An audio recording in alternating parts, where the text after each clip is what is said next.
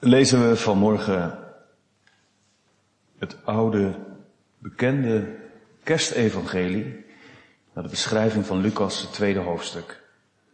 Lucas 2, vers 1 tot en met 20.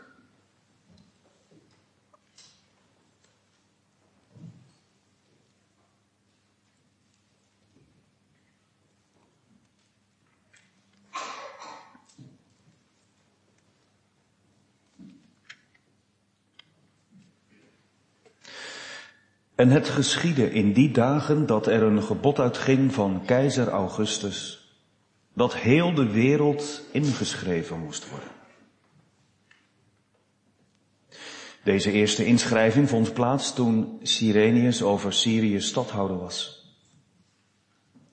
En ze gingen alle op weg om ingeschreven te worden, ieder naar zijn eigen stad. Ook Jozef ging op weg van Galilea uit de stad Nazareth naar Judea, naar de stad van David, die Bethlehem heet. Omdat hij uit het huis en het geslacht van David was. Om ingeschreven te worden met Maria, zijn ondertrouwde vrouw, die zwanger was. En het geschiedde, toen ze daar waren, dat de dagen vervuld werden dat ze baren zou. En zij baarde haar eerstgeboren zoon, wikkelde hem in doeken en legde hem in de kribbe, omdat er voor hen geen plaats was in de herberg. En er waren herders in diezelfde landstreek die zich ophielden in het open veld en s'nachts de wacht hielden over hun kudde. En zie, een engel van de Heere stond bij hen en de heerlijkheid van de Heere omscheen hen en zij werden zeer bevreesd. En de engel zei tegen hen, wees niet bevreesd, want zie, ik verkondig u grote blijdschap die voor heel het volk wezen zal, namelijk dat heden voor u in de stad van David de zaligmaker geboren is. Hij is Christus, de Heere. En dit zal voor u het teken zijn. U zult het kindje vinden in doeken gewikkeld en liggend in de kribbe. En plotseling was er bij de engel een menigte van hemelse legermacht die God loofde en zei, eer zij aan God in de hoogste hemelen en vrede op aarde, in mensen een welbehagen. En het geschiedde toen de engelen van hen weggegaan waren naar de hemel. Dat de herders tegen elkaar zeiden, laten wij nu naar Bethlehem gaan. En dat woord zien dat er geschied is dat de Heer ons bekend heeft gemaakt. En zij gingen met haast en vonden Maria en Jozef en het kindje liggend in de kribbe. Toen zij het gezien hadden, maakten ze overal het woord bekend dat hun over dit kind verteld was. En allen die het hoorden verwonderden zich over wat door de herders tegen hen gezegd werd. Maar Maria bewaarde al deze woorden en overlegde die in haar hart. En de herders keerden terug en zij verheerlijkte en loofde God om alles wat zij gehoord en gezien hadden, zoals tot hen gesproken was. Tot zover de lezing uit het woord van God. Vanmorgen wil ik met u en jou hier en thuis een aantal lijnen trekken uit de eerste zeven versen van het gedeelte dat we samen hebben gelezen. Lucas 2, vers 1 tot en met 7. Niet ieder detail, dat wordt veel te lang. Misschien ook wel een beetje ingewikkeld. Ik wil de kern daarvan graag met u en jou delen. Maar tegelijkertijd, als ik dat zeg, dan denk ik, misschien moesten we maar eens wat meer op de details gaan letten, want ja, het is zo overbekend. Neem nou het thema van de verkondiging van vanmorgen, de geboorte van Jezus. Je mag best weten, ik heb er best een poosje bij zitten nadenken. Hoe kan ik nou iets bedenken bij zoiets bekend waarvan de mensen denken, hè, welke kant gaat dit nu op? Zo had ik het nog nooit gezien. Wat aansprekend. Ik dacht, doe het niet. De kracht zit in de eenvoud en de verwondering. Dat ook bij iets wat heel bekend is en wat heel gewoon beschreven wordt, uiteindelijk de juichkreet van het geloof doet ontstaan. Dit is onze God. Dit is onze redding. En daarvoor, jongens en meisjes, als jullie thuis meekleuren of tekenen, hoef je echt geen mooie lichtglans om het hoofdje van het kindje in de kribbe te doen. Je hoeft van die kribbe ook geen gouden wieg te maken. Maar juist als je tekent en ziet hoe het echt is gegaan, gaat het schitteren. Zoals die diamant, hè, van juf Janine in de video. Als je die draait en beweegt, elke keer zie je weer iets nieuws. Dat hopen we ook vanmorgen te zien. En daar is wel geloof voor nodig. Om het wonder te zien. Ik dacht, zomaar even een voorbeeld voor jullie jongens en meisjes. Hoe kan het nou dat de ene jongen een stapel boterhammen ziet en denkt, oh lekker, hap, hap, hap, hap, hap. En voor je het weet is het op. Of de kerststol. En dat een ander één boterham op zijn bord heeft liggen en, en er vol verwondering naar kijkt. Een boterham. En die heel voorzichtig hapje voor hapje neemt en proeft. Oh, voelt wel aan, die ene was gewend om stapels weg te werken per week. Ja, gewoon brood. Maakt mama altijd klaar of je doet het zelf. En die ander, die lijdt al langere tijd honger en die krijgt voor het eerst een sneetje brood. Het is maar hoe je er naar kijkt, hè. Zijn er mensen, zijn er jongens en meisjes die honger hebben en dan bedoel ik, die verlangen naar meer. Nou, dan hoef ik je niet teleur te stellen hoor, dat je voor het eerst vanmorgen echt weer dingen kunt zien hier, bij dit eenvoudige kerstevangelie. Dat je denkt, is dat voor mij? Daar zit ook het, de verwondering in, hè? Dat je niet denkt, ja natuurlijk, de Heer Jezus is gekomen, Hij is een redder en Hij heeft aan het kruis gehangen en dan kunnen mijn zonden vergeven worden. Nou, halleluja, ere zij God en we gaan verder. Nee, dat je even stilvalt. Moest Hij in een kribbe liggen? Moest Hij mens worden? Moet ik gered zijn? Dat gaat dus over levensbelangrijke dingen. Dat is veel meer dan alleen maar wat gezelligheid, prima. Wat, wat lichtglans, mooi. Het gaat over een zaak van leven op dood. Laten we zo eens luisteren hoe dat bij de geboorte van Jezus is gegaan. Het eerste wat opvalt is, en dat maakt het ook meteen best wel persoonlijk, dat Lucas niet zoals bij de aankondiging van de geboorte van Johannes in Johannes 1, daarvan hebben we gehoord, meteen inzet bij het verband met het Oude Testament, de priesterlijn vanuit Aaron. Maar dat als hij de geboorte van Jezus gaat beschrijven, onze blik, ons perspectief wijder trekt. Jezus is niet alleen maar geboren in de context van het Oude Testament, in de context van het Joodse volk, ook dat zeker, daar hebben we al heel veel aandacht aan gegeven. Maar, maar het geschiedde in die dagen dat er een gebod uitging van keizer Augustus.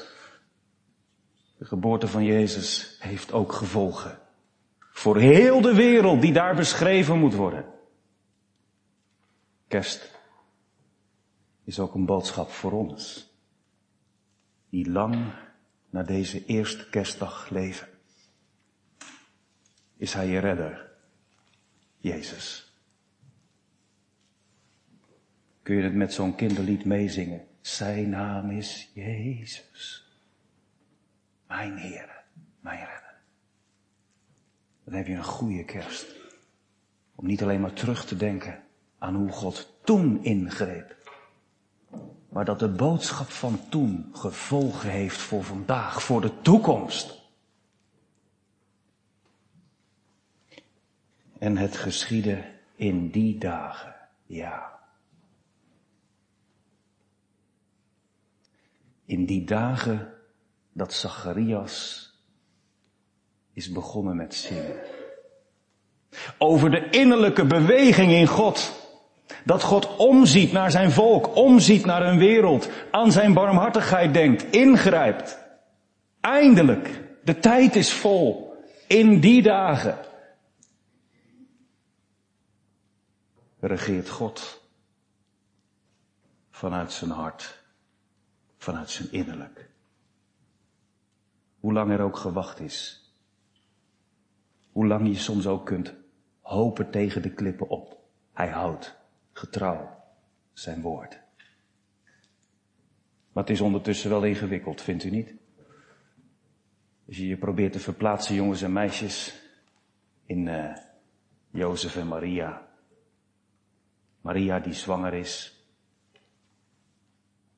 Straks horen we dat als de dagen vervuld worden, als ze daar zijn, dat ze gaat baren. Dus het is echt niet zo hoor, zoals soms misschien wel in de kinderkerstverhalen wordt gezegd. Dat Maria hoog zwanger op een ezeltje is meegenomen door Jozef. Ze zijn geruime tijd in Bethlehem geweest toen de geboorte zich aandiende. Dat heeft het Griekse woord ook in zich. Laten we het ook niet spannender maken dan het is. Maar ondertussen was ze wel zwanger. Bereid je je voor daar in Nazareth, als aanstaande moeder. En Jozef, die door de engel uitleg heeft gekregen hoe het nou echt zit met God en dat geloof, die heeft zich ongetwijfeld mee voorbereid. Kamertje klaargemaakt. Rijkhalzend zie je uit naar het moment dat in alle rust een kind geboren kan worden.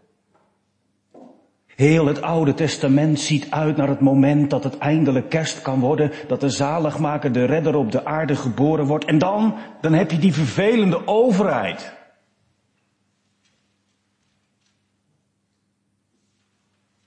Die roet in het eten gooit.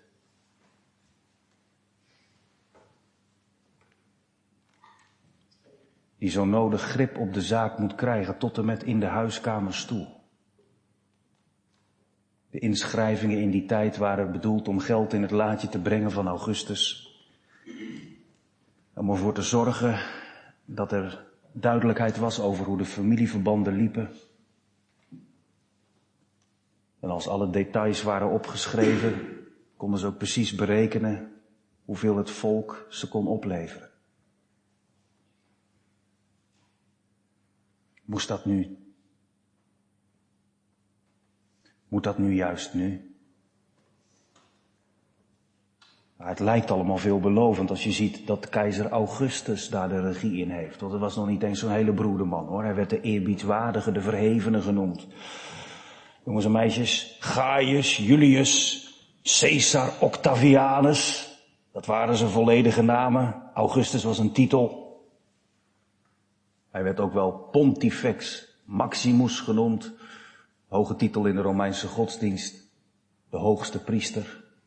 Maar in pontifex zit ook het woord bruggenbouwer. Hij deed er alles aan om, hoewel hij natuurlijk graag ook incasseerde, graag geld kreeg, om de Pax Romana, de vrede van het Romeinse Rijk te realiseren. Met een beetje druk hier en een beetje druk daar. En met veel beloftes proberen die heilstaat te creëren waarin ook het Joodse volk een plekje zou moeten krijgen. Maar we weten inmiddels wel beter. Hij had geen controle over die bruut van Herodes. Een tijd waarin wij zouden zeggen, moet daar nou een redder geboren worden? Loopt dat niet helemaal met eerbied gesproken van metafaan in de soep? Nee, gemeente. Ook vandaag niet met een half volle kerk, laten we het positief benoemen, een half volle kerk. Waarbij je zou kunnen denken, is dat nou niet te veel gevraagd? Waarbij wij ook kunnen zien dat mensen aan de macht proberen om met van allerlei ingrepen en maatregelen het te redden. Soms vaak los van God. Mensen die denken in protocollen. Protocollen en niet in de regie van de Here. Misschien ken je dat opstandige gevoel wel, of juist dat gevoel van vermoeidheid. Het is niet meer zoals het is geweest. Moet het nou weer met kerst afgeschaald worden? Maar ondertussen, hè, wat hebben wij zojuist gezongen? Wie heeft de regie? Wie zorgt dat ook als wij denken, hoe moet dit nu aflopen? Wie zorgt dat het goed afloopt? Ook hier. Wij geloven toch in de God van Abraham, Isaac en Jacob, die door de dood van de onmogelijkheid heen zijn plan van redding vervult. Zoals Kores in het Oude Testament gebruikt is, de vijand gebruikt is om het volk van Israël uit te leiden. Zoals de farao heel bewust het volk heeft laten gaan. Zo ook hier Augustus. Hij denkt, ik moet die inschrijving nodig regelen. En God denkt, het wordt tijd. Mijn zoon moet in Bethlehem geboren worden. Ja, maar voordat het zover is, zegt iemand, ik ben wel benieuwd wat u gaat maken van dat tweede vers, want dat wordt er al bij gelezen, maar waarom staat dat erbij? We weten dat hè, Lucas historisch gezien echt zijn best heeft gedaan, nauwkeurig onderzocht heeft, of de dingen die hij zou gaan opschrijven ook klopten met de werkelijkheid. Nou, dat schrijft hij dus niet voor niets, dat die eerste inschrijving plaatsvond toen Sirenius of Quirinius, zo mag je hem ook noemen, over Syrië stadhouder was. Wat heeft de stadhouder van Syrië nou te maken met, met, met de geboorte van de Heer Jezus Christus? Nou, u moet weten dat bij die eerste inschrijving Herodes heel veel tegenstand kreeg van het Joodse volk. Kun je je voorstellen? Ja, dat kunnen wij ons vandaag helemaal voorstellen. Gaat dat niet een beetje te ver? Die invloed van de overheid. Wij zijn een vrij en zelfstandig volk. Wij dienen niet een keizer, wij dienen God.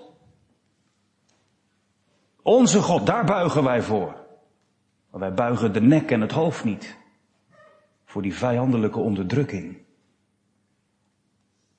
Er zijn veel opstootjes en opstanden bekend. Wij zouden vandaag zeggen dat de mensen stonden te zwaaien met dit en dat. Met potten en pannen. Ze voelden zich beperkt in hun vrijheid. En Herodes die merkt, ik heb niet het gezag om het volk eronder te krijgen. En vanuit buitenbijbelse bronnen is bekend dat hij Quirinius heeft ingeschakeld die vanuit Syrië invloed is gaan uitoefenen. Om het zo voor elkaar te krijgen dat het volk uiteindelijk toch op gang komt. Op gang naar hun geboorteplaats om zich daar te laten inschrijven. Wonderlijk hè? Als je in die kleine details ziet hoe God mensen gebruikt om te laten gebeuren wat gebeuren moet. Ze gingen alle op weg om ingeschreven te worden, ieder naar zijn eigen stad. Ik zei het al, dat is de geboorteplaats. Dus niet hun woonplaats, maar dus de, de stad van de voorvaderlijke afstamming, even ingewikkeld gezegd. En dan komt het in vers 4. Ik vind dat zo bijzonder. Ook Jozef ging op. Hij stribbelt niet tegen.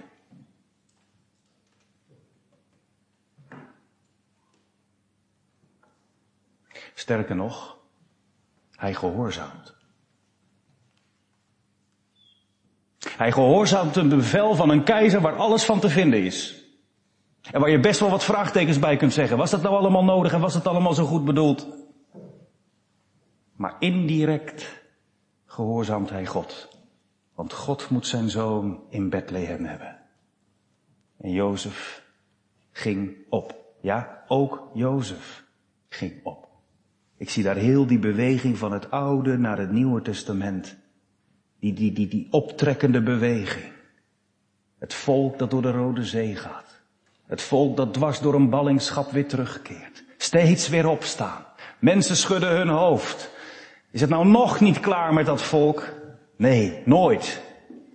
Met Israël niet, maar ook niet met degene die in die God geloven.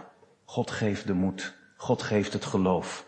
Om in omstandigheden waarvan je denkt, hoe moet dit aflopen, op te staan.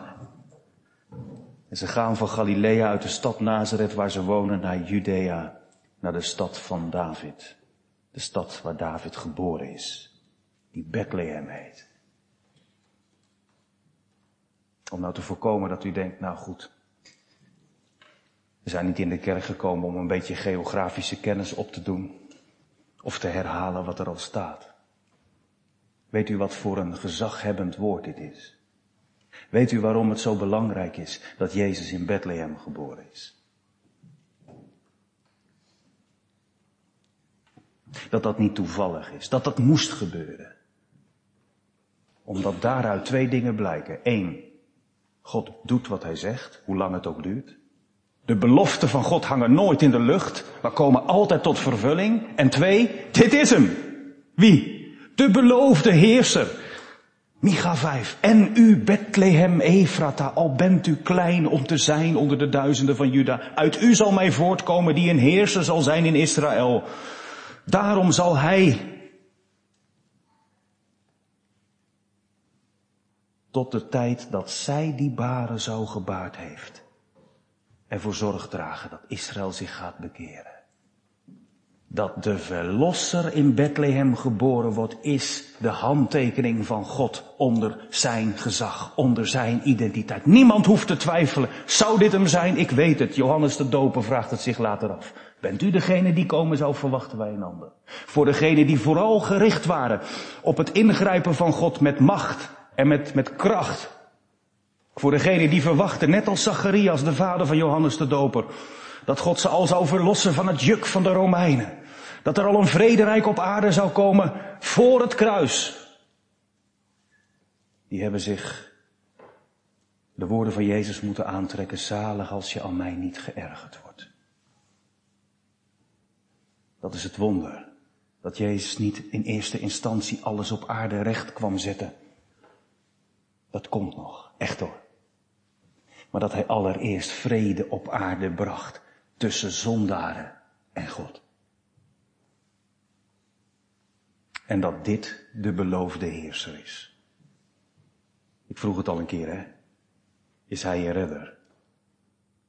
Denk nog eens jongens en meisjes aan die stapel boterhammen. Hap, hap, hap, hap. Of ben je nou even aan het kauwen, aan het proeven? In deze wereld, op deze planeet, waar mijn wiegje heeft gestaan. Hier, op dit moment, in deze meer dan honderd jaar oude kerk, waar zoveel het woord van God heeft geklonken, hoor ik het voor de zoveelste keer als nieuw. God heeft Jezus gegeven. Zodat voor mij het leven niet uitzichtloos is. Voor mij de dood geen angst hoeft aan te jagen. Voor een ieder die gelooft is er eeuwig leven beschikbaar. Ik ga mee met Jozef in die beweging naar de plaats van de belofte. God doet wat hij zegt en hij deed het ook vanmorgen aan mij. Jozef gaat op weg naar Bethlehem.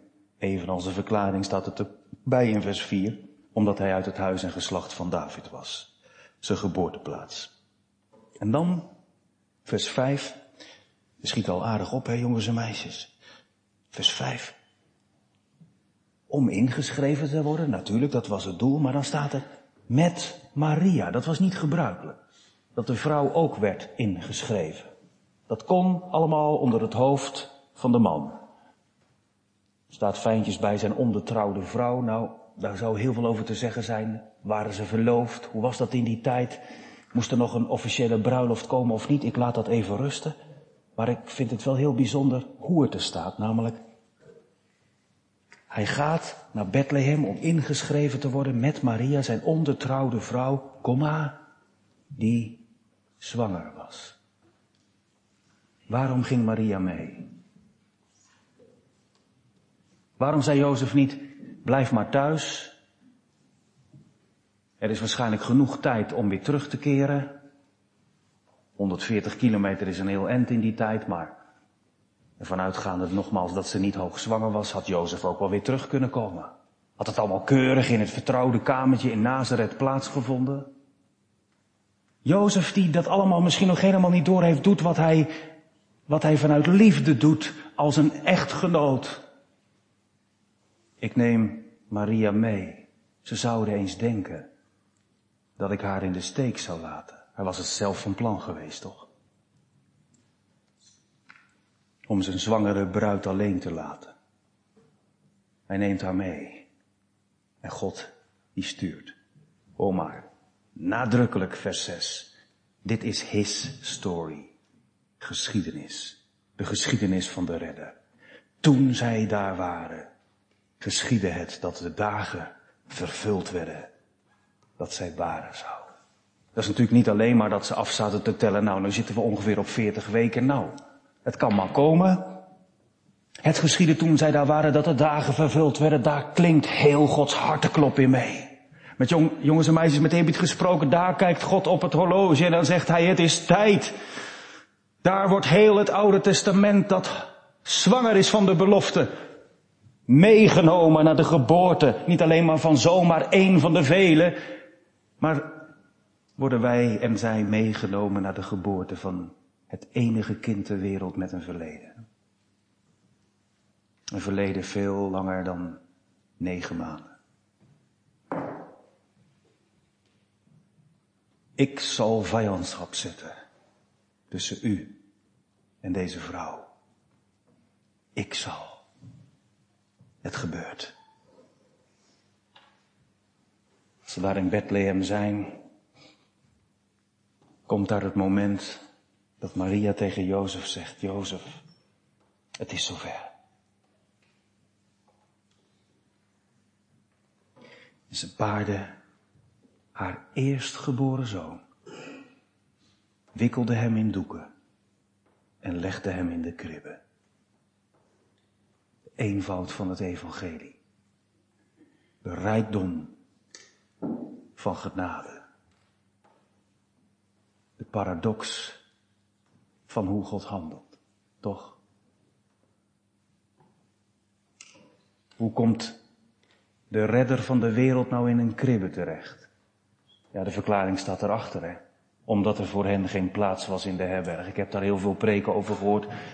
Zelfs ook wel preken met alleen dat stukje als tekst voor de verkondigingen. Dat ging er dan over dat wij allemaal van nature geen plaats hebben in het hart van de Heer. En er werd een verband gelegd met de woorden uit Johannes 1. Hij is gekomen tot het zijn en de zijnen hebben hem niet aangenomen. Oh, wat erg hè. Er is geen plaats voor de Heer Jezus. Ik weet niet of we dat zo moeten zien, al is die werkelijkheid wel waar. Dat niemand ten diepste op hem zat te wachten. Dat velen zich in hem hebben vergist. Maar omdat er gesproken wordt over de herberg, kunnen we er best wel van uitgaan dat Jozef en Maria al geruime tijd in die herberg verkeren en dat het naarmate het drukker en drukker werd, er geen ruimte meer was voor een vrouw om te bevallen. En als de dagen vervuld worden, is er dan voor een zwangere vrouw die op het punt staat om te bevallen, zeker in een herberg geen plaats. Dan komen ze buiten de herberg ergens terecht, nergens staat de stal. Hè? Misschien is het een, een afdak geweest.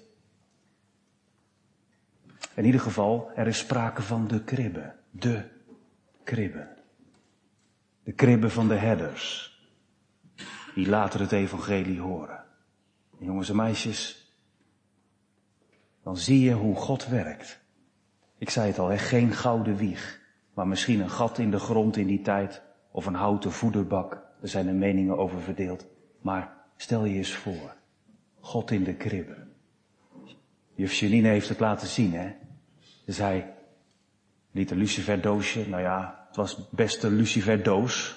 Maar toen zei ze erbij, heb je het gezien? Dus moet je thuis nog eens nakijken. Hierin zit een straaljager. Ze zei erbij, geloof je dat? Natuurlijk niet. Natuurlijk niet. En ze zei, kijk eens, hier heb ik een fles. Er zit water in. Dat is al het water van de oceaan. In de fles. Geloof je dat? Nee, natuurlijk niet. Dat ze nog een blikje. Oh ja, dat roze blikje. En, en toen zei ze, hier zit de zon in. Geloof je dat? Nee, natuurlijk niet. Toen had ze een doosje, met stro erin. ze zei, zou hier de Heere God in kunnen? Dan zou je toch eigenlijk zeggen, dat geloof je toch niet? Maar dat is nou wat de Heere van ons vraagt. Niet of we het kunnen begrijpen. Als u van mij verwacht dat ik dat vanmorgen ga uitleggen, dan ga ik eraf en dan kom ik er niet meer op, want ik kan dat niet. Maar dat hoef ik ook helemaal niet. Ik mag het proclameren zoals de herders dat deden. Hè? Hoort het woord dat ons over dit kind gezegd is. Hij is de beloofde redder. En God wordt mens. Maria baart haar kind. Maar het is ook Gods zoon. Ze wikkelt hem in doeken. Ah, zo arm werd de heiland. Dacht u echt dat Maria geen kleedjes had meegenomen? Tuurlijk wel. Maar het teken van in doeken wikkelen, in doeken bakeren, was een teken van moederlijke zorg, van erkenning. En dat tekent ons ook gelijk te, afhankelijkheid, de echte menselijkheid van wie Jezus is. Wij hoeven hem niet groter en mooier in de kribbe te maken dan hij is. Hij was met bloed bevlekt. Ja, ter wereld gekomen. Maar Maria had hem met zout ingevreven naar de gewoonte van die tijd. En hem in doeken gewonden. En in de kribbe gelegd. Jongens en meisjes, ik dacht aan die groep van toeristen die een grot bezochten. En ze waren eigenwijs en misschien ook wel een beetje zuinig. Ze dachten als we het zonder gids doen, redden we het ook wel. Er zaten een paar mensen in die groep met een grote mond en die eh, wat kennis hadden van die omgeving. En die zeiden, oh, ik kan ook wel wat vertellen over die grotten. En ze gingen een aantal gezinnen met hun kinderen de grot in. En steeds verder en steeds verder. En de gangetjes werden steeds nauwer. En hoewel er een paar waren die zeiden, moeten we niet teruggaan, is dit niet te gevaarlijk, waren er altijd wel die de anderen meenamen zeiden, nee, dat redden we wel, we komen er ook wel weer uit. En toen, op een gegeven moment, kwamen ze in een gedeelte waar een heel aantal borden stonden, niet verder, stop, levensgevaar. Wow, spannend. Ja. Het moment breekt aan dat de gang instort. Ze zitten opgesloten. Levend begraven. Sommigen beginnen al moeilijk adem te halen. En de ouderen raken buiten bewustzijn. Gelukkig, gelukkig wordt hun hun verdwijning zogezegd opgemerkt. En de mensen in het hotel organiseren een zoektocht. Het duurt wel heel lang voordat die groep terug is. En die gaan ook die grotten in. En er is een professionele reddingsploeg bij.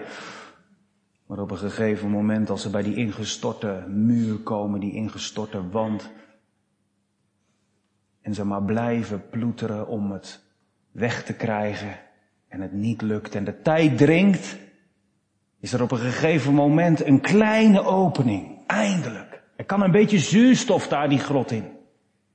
Maar alles zit verder op slot. Eén kleine opening.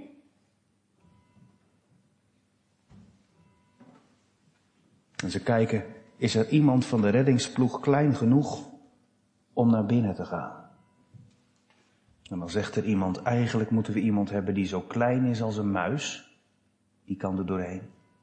En zo sterk is als een olifant om vanaf de andere kant iedereen eruit te breken. Wie is er zo klein als een muis en zo sterk als een leeuw? Even over die woorden nadenken. Onze Heere, onze Redder, Jezus Christus, werd zo klein als een kind. Om ons in alles gelijk te worden, zonder zon. Maar vergis je niet in zijn onschuld. Vergis je niet in het huilen van een baby. Hij is tegelijkertijd de leeuw van Juda. Hij verslaat de dood. Hij ligt hier in de kribbe op weg om te gaan leven en sterven. Om zijn volk te redden. Begrijp je het? Dat die herders, als ze dat kind even later naar mijn bescheiden mening, in hun eigen kribben vinden. Als ze gehoord hebben, dit zal jullie het teken zijn. De geboren redder ligt bij jullie in de kribben. Dat ze zich hebben verwonderd. Maar tegelijkertijd, dat als ze voor het eerst zo'n boterham proefden vanuit het wonder, dat ze dachten, nou moet dat hele brood door het volk gegeten worden. Het moet hier in Bethlehem een maaltijd worden. De mensen moeten het horen. Wij hebben de redder gevonden, maar hij is niet alleen voor ons, niet alleen voor Israël, niet alleen voor herders, maar ook voor advocaten. Niet alleen voor ouderen, maar ook voor kinderen. Geef het door, gemeente. In zang, in woord, in je gedrag. Dat het zichtbaar wordt die mensen daar die in de Laankerk zijn geweest. Misschien moet je nog op familiebezoek deze komende tijd. Dat het zichtbaar is, ook bij mensen die van een andere kerk zijn en geen licht en geen zicht hebben op dit wonder. Laat het zien. Dat je begrepen hebt, nee, dat je geloofd hebt waar het hier om gaat. Dat Jezus Christus de redder is. En dat God dwars door alles heen, voor een ieder die gelooft, wie dan ook maar, eeuwig leven heeft bereid. Halleluja. Lof zij Jezus, de Vader en de Zoon. Amen.